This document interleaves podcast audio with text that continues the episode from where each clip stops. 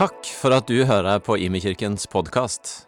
Er du interessert i en utdannelse innen ledelse og teologi? Gå gjerne inn på hlt.no slash stavanger og finn ut mer om heltids- eller deltidsstudier. Vi holder på å gå gjennom Lukasevangeliet. Vi er kommet til Lukas 2. Martin talte forrige uke over juleevangeliet, Lukas 2, 1-20. Må du gjerne høre på podkast hvis du ikke fikk vært der. Flott tale. Og så skal vi plukke opp tråden i dag fra vers 21 og lese noen vers framover. Vi leser eh, sammen teksten først. Da åtte dager var gått og han skulle omskjæres, fikk han navnet Jesus, det som engelen hadde gitt han før han ble unnfanga i mors liv. Da renselsestiden som Moseloven påla dem, var forbi, tok de han med opp til Jerusalem for å bære han fram for Herren. For det står skrevet i Herrens lov:" Alt av hannkjønn som åpner morslivet, skal være helliget Herren. De skulle også bringe det offeret som Herrens lov påbyr, et par turtelduer eller to dueunger. I Jerusalem bodde det en mann som het Simon. Han var rettskaffen og gudfryktig og venta på Israels trøst. Den hellige ånd var over han, og ånden hadde latt ham få vite at han ikke skulle se døden før han hadde sett Herren salvede. Nå kom han til tempelet, leda av ånden, og da Jesu foreldre kom med barnet for å gjøre med han som skikken var etter loven, tok Simon barnet opp i armene sine. Han lovpriste Gud og sa og Så må du komme tilbake neste uke for å høre hva han sa, for der stoppa min tekst. Og så fortsetter vi vers 29 neste uke. Den beste cliffhangeren du har fått i kirka på mange år. Um, um, dette er teksten for i dag. De første versa de skal vi ikke snakke så veldig mye om, men de bekrefter egentlig bare for oss at uh, Jesus ble født inn i en uh, jødisk setting. Han var jøde, foreldrene hans var jøder. Og det var på en måte den uh, Det var både den troen og den uh, kulturen han vokste inn i. Og det ser vi ganske tydelig her. At når foreldrene til Jesus har tatt imot Jesus, så står det at når renselsestida var over, så tar de han med, sånn som skriftene sier, til tempelet for å innvie han til Gud og for å ofre. Det kan være greit å huske på av og til at eh, det er med på å si oss noe om kontinuiteten mellom det vi leser i Det gamle testamentet og det som kommer i det nye. At Jesus sto sjøl veldig tydelig i den linja. Han var en del av den linja. Og så skal vi bruke vår tid i dag primært på den historien som eh, starter i vers 25, hvor det står, begynner med å stå I Jerusalem bodde det en mann som het Simon. Han var rettskaffen og gudfryktig og venta på Israels trøst. Det er fascinerende at i Bibelen så er det, når du tenker over det, ganske mange sånne små karakterer. Små i betydningen at de dukker opp, og så får de noen linjer, noen vers. Og bak de versene så, så skjuler det seg et helt menneske, et helt liv. Og så får vi et lite glimt inni det gjennom noen sånne øyeblikk i fortellinga. Sånn som her med Simon. Litt seinere i i denne lovsangen vi ikke kom til i dag, så sier han, 'Herre, nå kan du la din tjener fare herfra i fred, sånn som du har lovet'. Det er ganske god grunn til å tro at Simon var en gammel mann. Han har fått et løfte om at før han dør, så skal han få se Jesus. Og når han har løfta Jesus opp i armene sine, så sier han nå kan du la meg fare, Gud. Så mest sannsynlig så møter vi her en, en godt voksen, en gammel mann. Et langt liv i gudfryktighet og rettskaffenhet, som vi i noen få vers nå får et glimt inn i. Og På samme måte i teksten som kommer neste uke, så står det om ei dame som heter Anna. Og Det står at hun var langt oppe i åra og hadde levd som enke til hun nå var 84 år. Hun forlot aldri tempelet, men tjente Gud i faste og bønn natt og dag. Igjen et langt liv i bønn til Gud, i trofasthet til Gud, og som vi får et sånn lite glimt inn i. Og Det kan være noe å stoppe opp for i seg sjøl at alle disse små karakterene i Bibelen det, hvis, vi, hvis, vi, evner å stoppe opp for de, og ikke bare la de være sånne statister i den store fortellinga, og tenke at det er liksom disse store figurene vi på en måte leser historiene gjennom. Jesus selvfølgelig, åpenbart. Eller for det er en, en David, en Paulus, en Peter, disse her. Men, men hvis vi også noen ganger stiller oss i perspektivet av disse personene som bare dukker opp litt her og der og ikke har så stor plass, så tror jeg sjansen er ganske stor for at vi alle på et eller annet punkt finner et menneske, en historie, en personlighet som ja, den, han kan jeg koble meg på. Der er det noe av gjenkjennelse. Der er det noe jeg kan speile noe av mitt liv i. Og Akkurat i dag så er det Simeon vi møter. Han har levd et langt liv som vi sa, i gudfryktighet og rettskaffenhet. Og så står det at han har venta. Og så er spørsmålet hva, hva har han venta på. da? Og Det er det neste som kommer. og Det står at han har venta på Israels trøst. Simon har gått et langt liv og venta, og han har venta på noe helt bestemt, på Israels trøst. Simon er en del av et folk som har en sjølforståelse som Guds folk, som det har lytt massevis av store løfter over, og som også har har levd, um, har med seg hele historien og blir leda ut av Egypt og inn i det landet Gud hadde lovt i, og som nå over tid har levd i undertrykkelse. De har vært under et annet herredømme, det romerske, og de har kjent på det å være undertrykt. Og En flink teolog som heter N.T. Wright, han skriver i en kommentar om dette kapittelet om Lukas-evangeliet, så skriver han om både Simon og Anna, som jeg nevnte sin historie. They are both living in a world of patient hope, where suffering has become a way of life. De lever i en verden av tålmodig håp, hvor lidelse har blitt en måte å leve på. Tenk deg, altså Bare stopp litt opp for den setninga. Where suffering has become a way of life. Hva det rommer. De er to mennesker hver på hver sin måte gudfryktig og med et langt liv.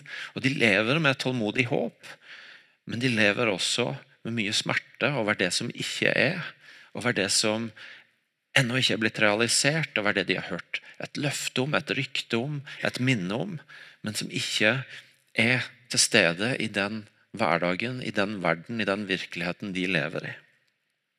Og Det er en annen som har skrevet noe jeg leste denne uka om advent ut ifra de første par kapitlene i Lukasevangeliet. John Mark Comer, fritt oversatt fra meg. Han skriver Lukas vil at vi skal huske at helbredelse starter i vår smerte, i vårt mørke. Men også at å leve i ånden av advent er å vente på Gud midt i dette. Håpløshet lokker på mirakelet. Å være i kontakt med våre lengsler på ærlig vis og tillate oss sjøl å føle de, er den virkelige begynnelsen på håp.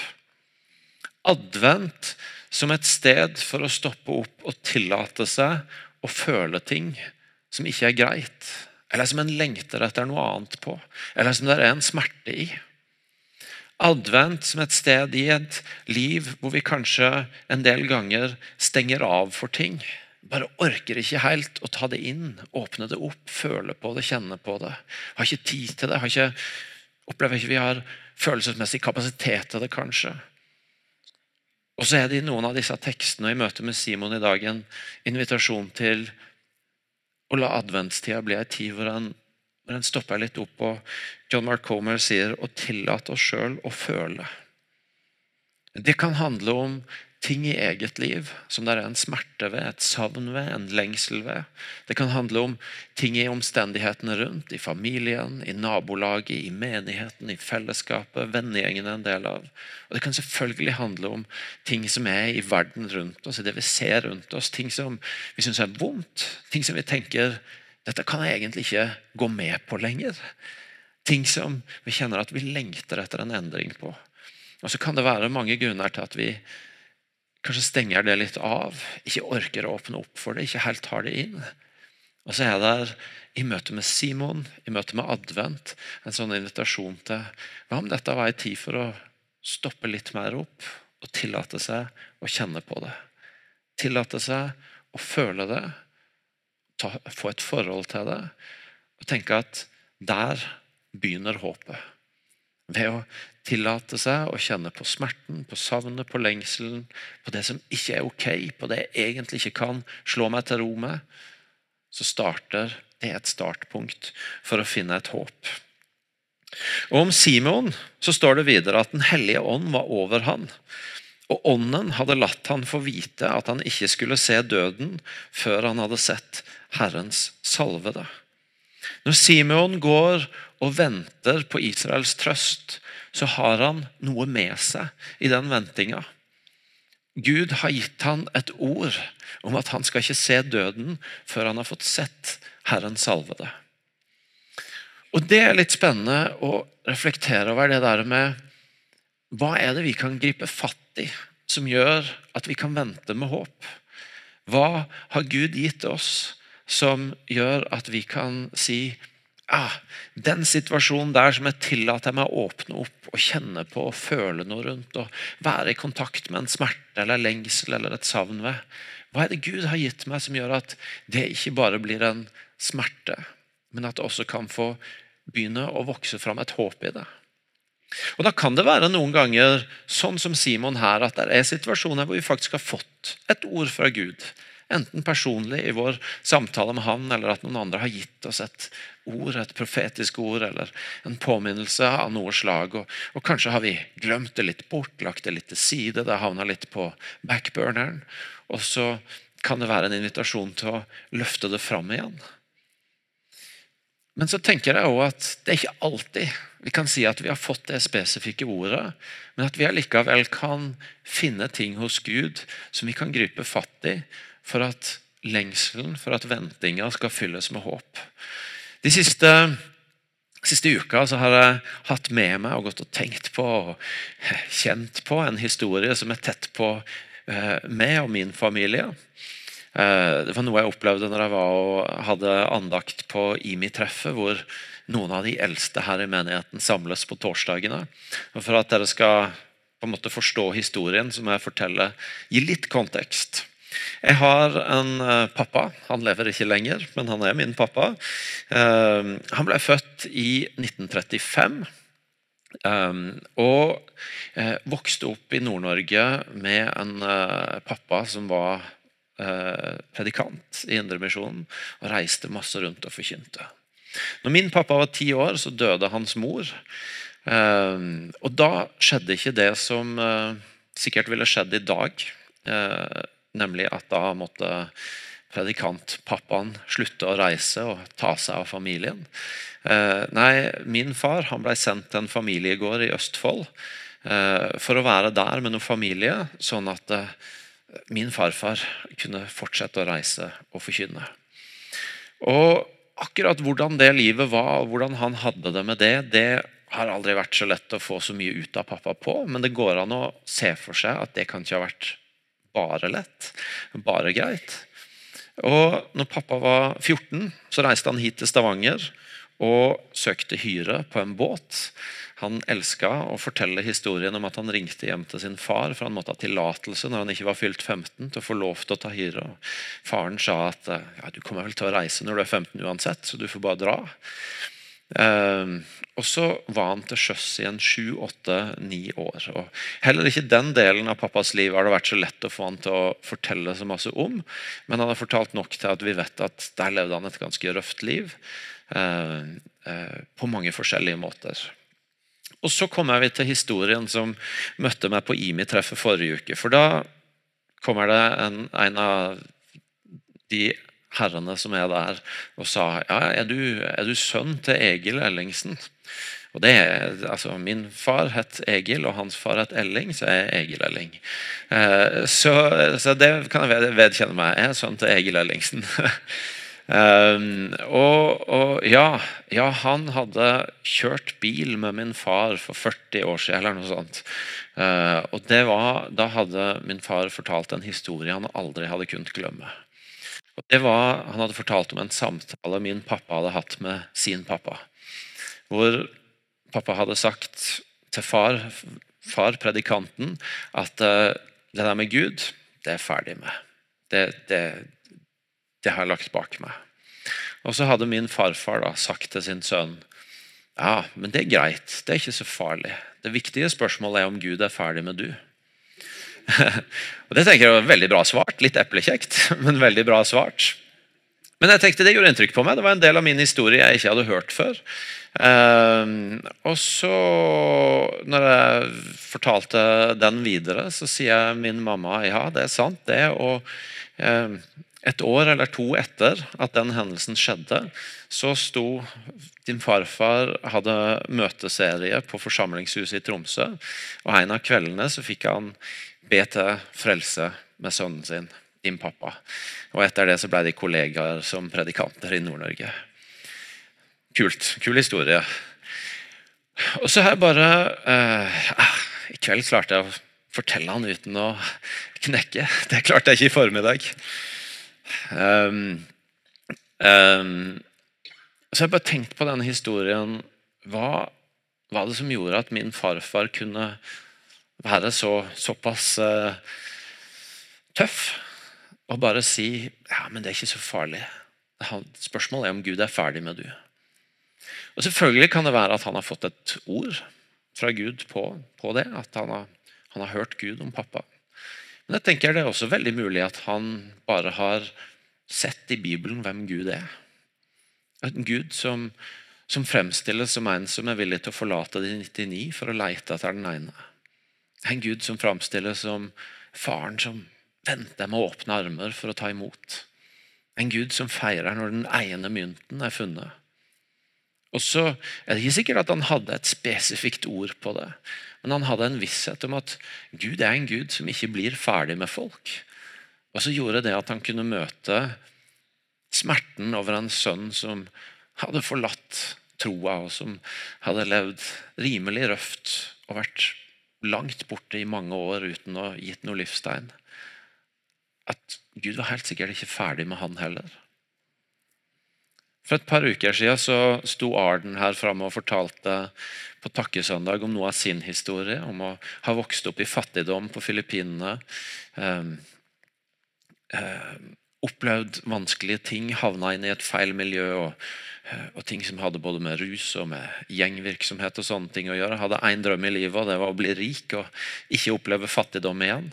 Havner ulike, av ulike årsaker her i Stavanger og på Akta bibelskole. Ikke fordi han er spesielt interessert i Gud og Bibel, men fordi han vil komme nærmere kjæresten sin. Og Så sier han jeg søkte ikke etter Gud, men Gud fant meg. Eh, og forteller om hvordan Gud møtte han på en åpen himmelkonferanse, og livet hans ble forvandla. Det Arden også fortalte om, det var at denne kjæresten som nå er kona hans, hadde bedt for han. Hun hadde bedt for han, og Mye av det som har skjedd med han i tida etter, er ting som hun som han kunne gå tilbake og se det har jo hun bedt om for meg. Så tenker jeg at ja, hva, Hvordan kan vi vente med håp? Hva er det vi kan gripe fatt i? Jo, Noen ganger så har vi ord vi kan holde fast i. Ting Gud har talt om.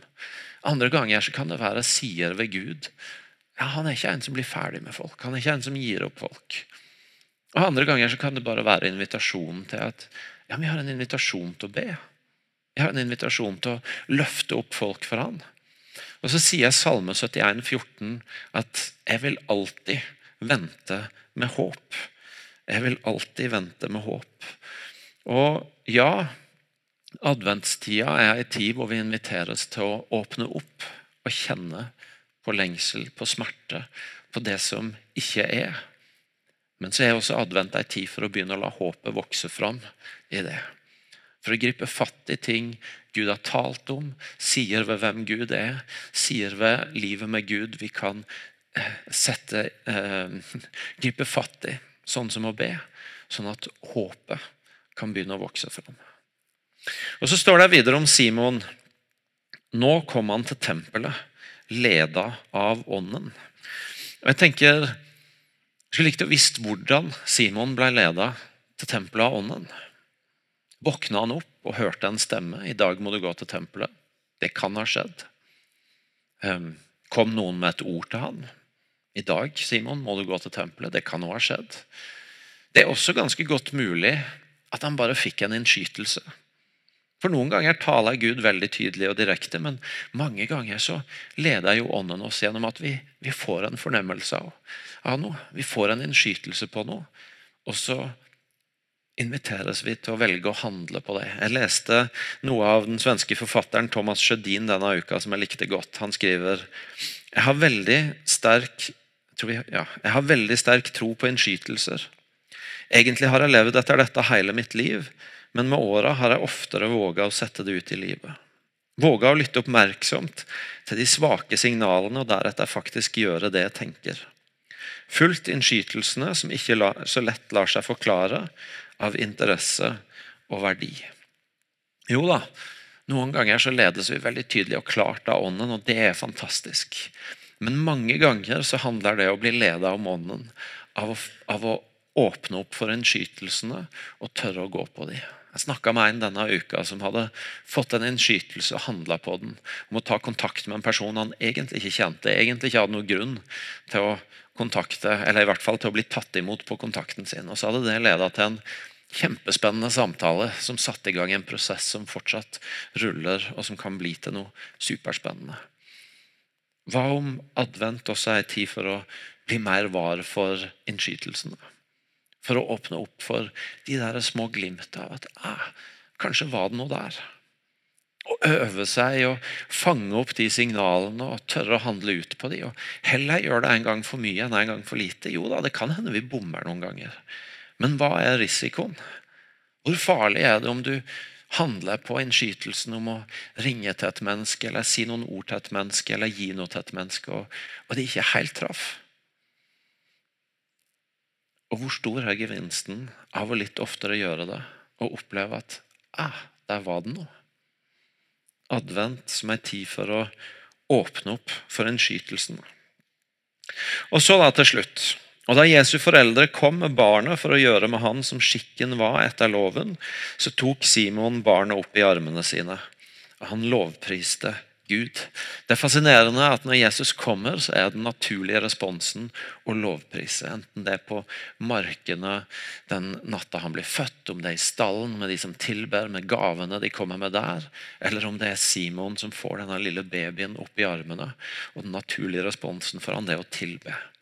Og som jeg sa, innholdet i lovsangen det skal primært møte neste søndag, men ei linje derfra som kommer som, som, jeg bare skal ta med, det er at i lovsangen til Simon så sier han et lys til åpenbaring for hedningene. Et lys til åpenbaring for hedningene. I advent så er et av de bildene, et av noe av språket vi bruker mye, det er bildet om at lyset kommer i mørket. Akkurat som vi har hørt om bussen i dag. som heter lys i mørket og skal få være et lys i mørket i denne byen. Så så lyset som kommer, det er et sånt sterkt bilde, et sterkt språk i adventstida.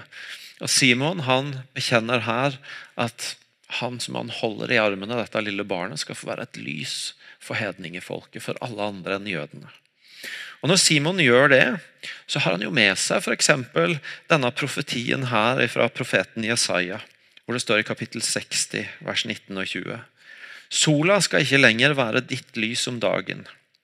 Måneskinnet skal ikke lyse for deg, men Herren skal være ditt lys for evig. Din Gud skal være din herlighet.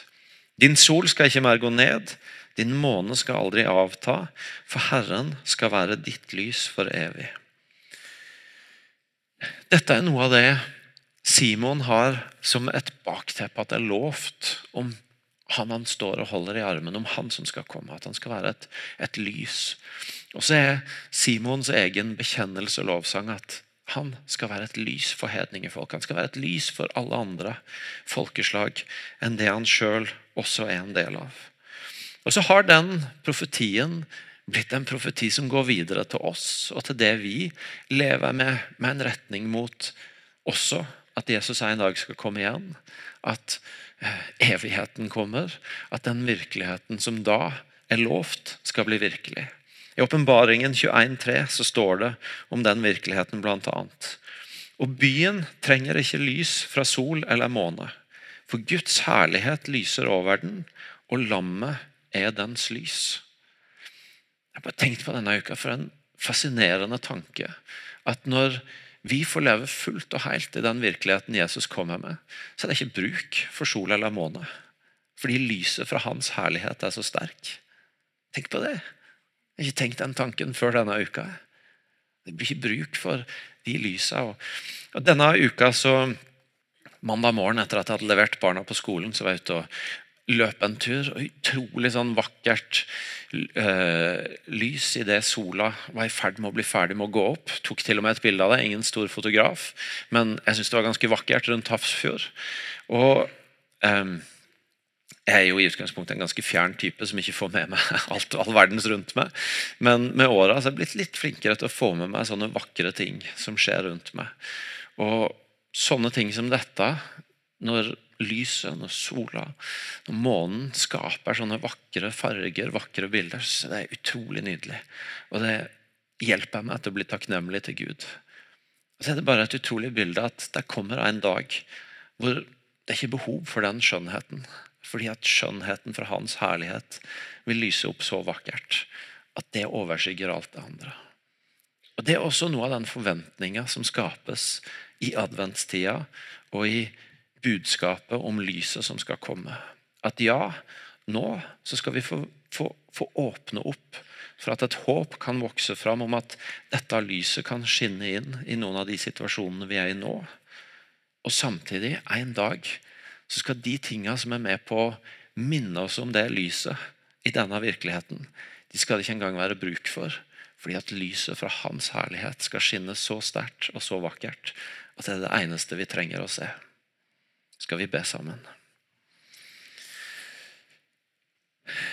Gode far, takk for at du sendte Jesus. Og takk for at i det så kommer der lys inn i det som er vår virkelighet. Og jeg ber deg om at disse dagene, denne ventetida, denne adventstida, skal få være ei tid for oss til å åpne opp for å kjenne på de tinga som er av smerte, av savn, av lengsel, av ah, 'dette er ikke greit', som vi har i våre liv og i vår virkelighet. Men så ber jeg deg òg om at ut ifra det så skal håpet få springe fram. At du skal gi oss ord, at du skal minne oss om sida ved deg sjøl. At du skal ta oss inn i noe av det livet du har av bønn, av tilbedelse, av å være nær deg. Som gjør at i å kjenne på smerten, så får også håpet lov til å begynne å vokse fram. Og så ber jeg deg om at du åpner øynene våre for dette her er helt utrolig. At det skal komme en dag hvor det som nå for oss ser ut som lys, det som nå for oss ser ut som skjønnhet, det skal bare bli overskygga av lyset av din herlighet. Og Hjelp oss til å leve med den retninga med livet vårt. At vi lever mot å få se mer og mer av det lyset i våre liv, i familiene våres liv, i fellesskapets liv, i denne verdens liv. Mer og mer av ditt lys inn i vår virkelighet. Skal du også få ta med deg noen spørsmål til å grunne videre på det jeg har snakka om i dag. Tre enkle spørsmål. Du må gjerne ta bilde av de. Hva venter du på i denne adventstida? Hvilket løfte eller ord kan du gripe fatt i for å vente med håp? Og har du noen innskytelser du skal følge i denne tida?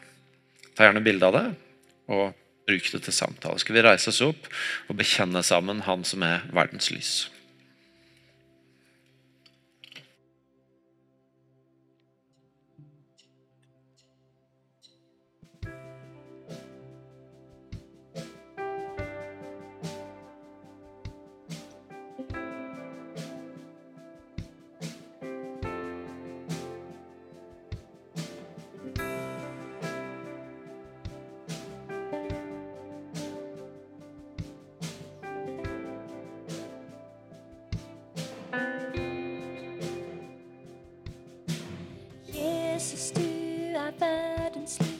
Og lyset det er sterkere enn mørket.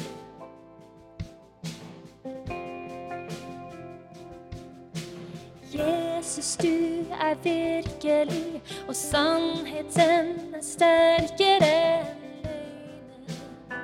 Syng det. Jesus, du er verdens lys, og lyset er sterkere enn mørket.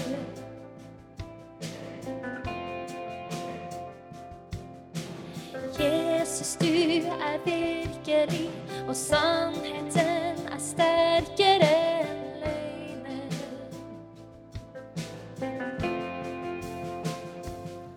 Jesus, det er bare du som vet det, og se fram fortvilelse og angst. Ved sin motgang og i trengsel kommer du med liv. Kommer du med liv.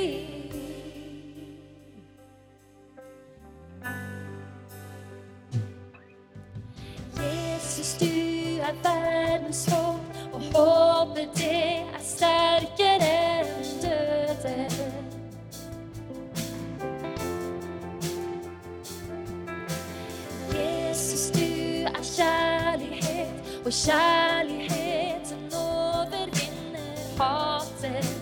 Proklamer det en gang til.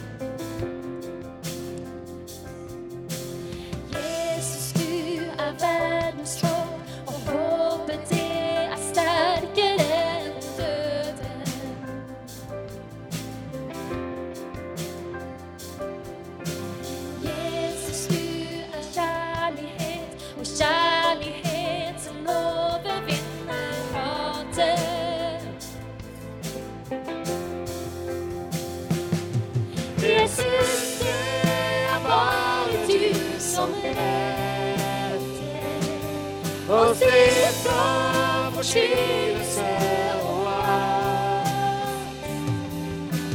Med sin motgang og i trengsel kommer du med liv. Kommer du med liv. Jesus, det er bare du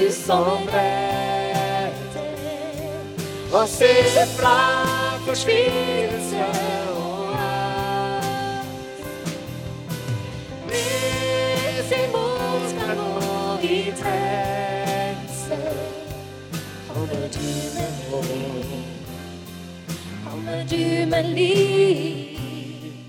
Kommer du med håp. Kommer du med håp, kommer du med lys. Kommer du med lys, kommer du med lys. Kommer du med lys. Jesus, det var du som redder si ifra fortvilelse og angst. Midt sin motgang og i trengsel kommer du med liv. Kommer du med liv og håp. Kommer du med håp. Kommer du med håp. Kommer du med lys. Kommer du med lys. Kommer du med lys. Kommer du med lys?